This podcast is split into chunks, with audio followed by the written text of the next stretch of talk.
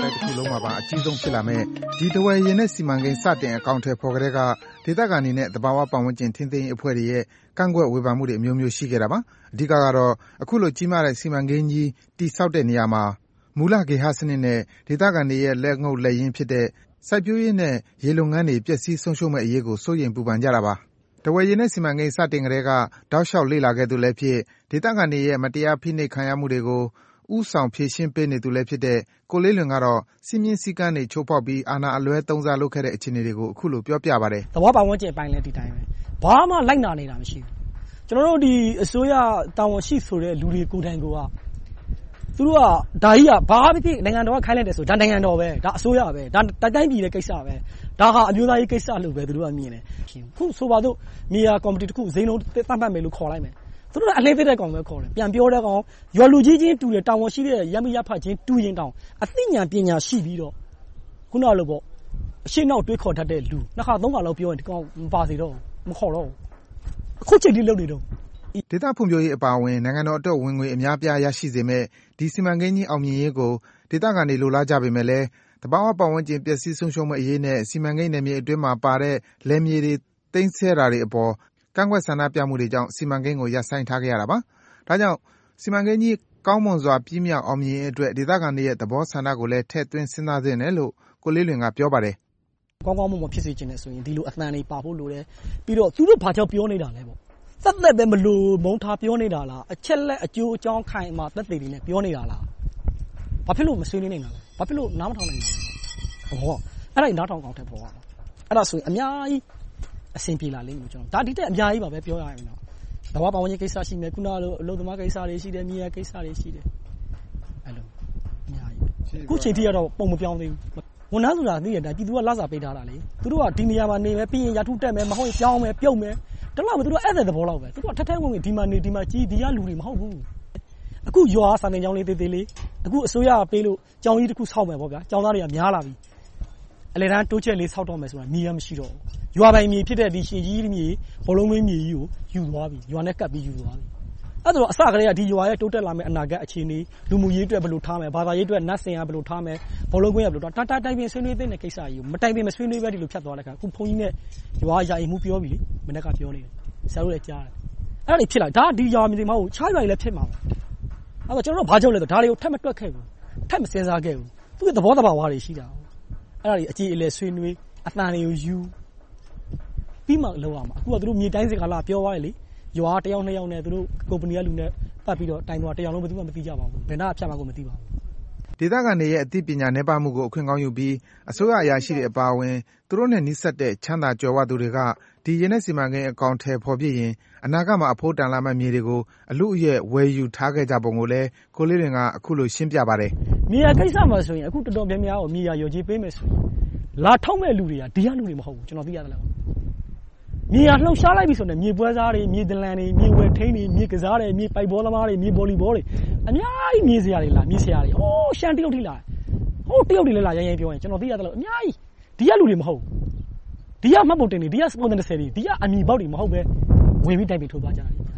။ဒီကလူကပိုက်ဆံလိုနေတာကို။လိုတော့ရောင်းတယ်။ရောင်းတော့ဟိုလိုဝယ်ထိန်းထားတယ်။လာခဲ့ရင်လျော်ကြေးသူတို့ခံစားသွားမှာ။ဒေသခံရမှာမဟုတ်ဘူး။ရခဲ့ရင်တောင်မှဒေသခံကနည်းနည်းပဲရမှာ။ဒါကတချက်။ဒါတွေစိစစ်ဖို့လိုတယ်။ ကျနော့်အမြင်က။သူတို့ကတခုခု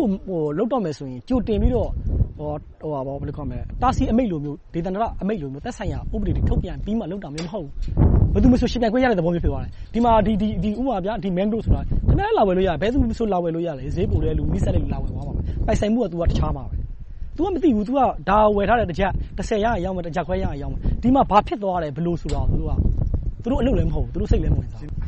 စီမံကိန်းအစပိုင်းကာလပဲ ရှိသေးတဲ့ လက်ရှိအချိန်မှာတောင် ဒေသခံတွေရဲ့ လက်ငုပ်လက်ရင်း အသက်မွေးဝမ်းကျောင်းမှုတွေ ထိခိုက်ပျက်စီးကုန်ပြီဆိုတာကိုလည်း ကိုလေးလွင်က ဆက်ပြောပါတယ်။“အခုလက်ရှိ အရင်ကဒီမှာရှင်ကြီးအိမ်ရှိတယ်။ဒီမှာ တံငါအိမ်တွေရှိတယ်။တံငါတဲတွေ အများကြီးရှိတယ်။အခုမရှိတော့ဘူး။ရှင်ကြီးအိမ်လည်း မရှိတော့ဘူး။ပြောင်းလိုက်ရတယ်။ချက်ချင်း မျက်မြင်ပဲလေ။ဒါက ဒီဟာကြီးတွေ ဖြစ်သွားပြီလေ။ဒီမှာ ကျောက်ပုံတွေ ဆရာမျိုးမြင်လိုက်ရင်ကျောက်ပုံကြီးတွေ၊အမိုးကြီးတွေ ဒါကြီးတွေ ဖြစ်သွားတယ်။ဒါက ဆရာတို့အမြင် တိုးတက်တယ်လို့ ပြောရင် တိုးတက်သွားတယ်ပေါ့။ဒါမှမဟုတ် သူတို့အတွက် ဖယ်ရှားလိုက်ရလို့ နစ်နာတယ်ဆိုလည်း ဖယ်ရှားလို့ နစ်နာတယ်ပေါ့။ ဒါကတော့ ကိုယ့်ရဲ့အမြင်နဲ့ ကိုယ့်အယူအဆပေါ်မှာပဲ မူတည်မှာပေါ့။အခုဒေသခံတွေအစကဒီမှာရွာ။ရွာတိုင်းရှိတယ်။ဒီနားမှာ ရှင်ကြီးအိမ်တွေ ဘာတွေနဲ့ပေါ့။အဲဒါကြီးလာတဲ့အခါကျတော့ ဒါကြီးတွေက ကျောက်ပုံကြီးတွေ။အခုက ရွာအထဲမှာပဲ ကျန်တယ် အပြင်မှာ မရှိတော့ပါဘူးဖြစ်အခုက ဒီတောအတိုင်းပဲ သူတို့က တိုင်းတာပြီးတော့ ပိုင်ဆိုင်မှုတွေ လုပ်ထားကြတာ ဒီအတိုင်းပဲ ဆက်လက်ရှာဖွေစားတောက်နေကြတာ တကယ်လို့ ဒါကြီးရပေါ့ပိုင်ဆိုင်မှုတစ်ခုခုကဟိုပါပေါ့ ဒီမြေပေါ်မှာအသုံးချတော့မယ်ဆိုမှဒါကြီးကဘယ်သူပိုင်ပါတယ်ခြံစည်းတွေခတ်မယ်လမ်းတွေဖောက်မယ်မြေတွေဖုတ်မယ်စသည်တို့ဖြစ်ဖြစ်လာတော့မယ်အဲ့ဒီခါမှာမှခုနအများစုကဒီ mangrove ပေါ့ဒီဒီဒေါ်ထဲမှာပဲကျွန်တော်တို့ဂုံးတွေရှက်တွေကမာတွေကနန်းတွေထောင်ပြီးစားကြတာအဲ့ဒါတွေလုတ်ခွင့်ရတော့မှာအခုကတော့ရနေသေးတယ်ပစ္စည်းတွေလို့ဘာမှပြောလို့မရဘူးဒါပေမဲ့အရင်က community land ပေါ့တရွာလုံးကပိုင်တယ်ဘယ်သူမှမဆိုသွားလို့လုတ်ကင်စားသလို့ရတဲ့နေရာလုတ်ခွင့်ရတော့မှာမဟုတ် ရွာအနီးဝန်းကျင်က မြေတွေအားလုံးကို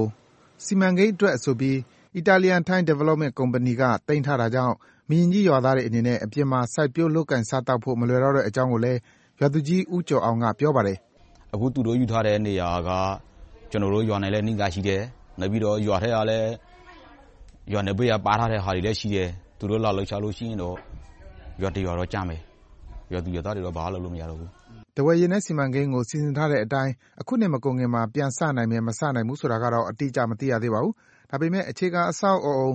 တည်ဆောက်မှုတွေ ပြီးစီးပြီး စက်ရုံတွေ စတင်လည်ပတ်တော့မယ်ဆိုရင်တော့ အဲဒီစက်ရုံတွေ ရေရှည် လည်ပတ်နိုင်ရေးအတွက်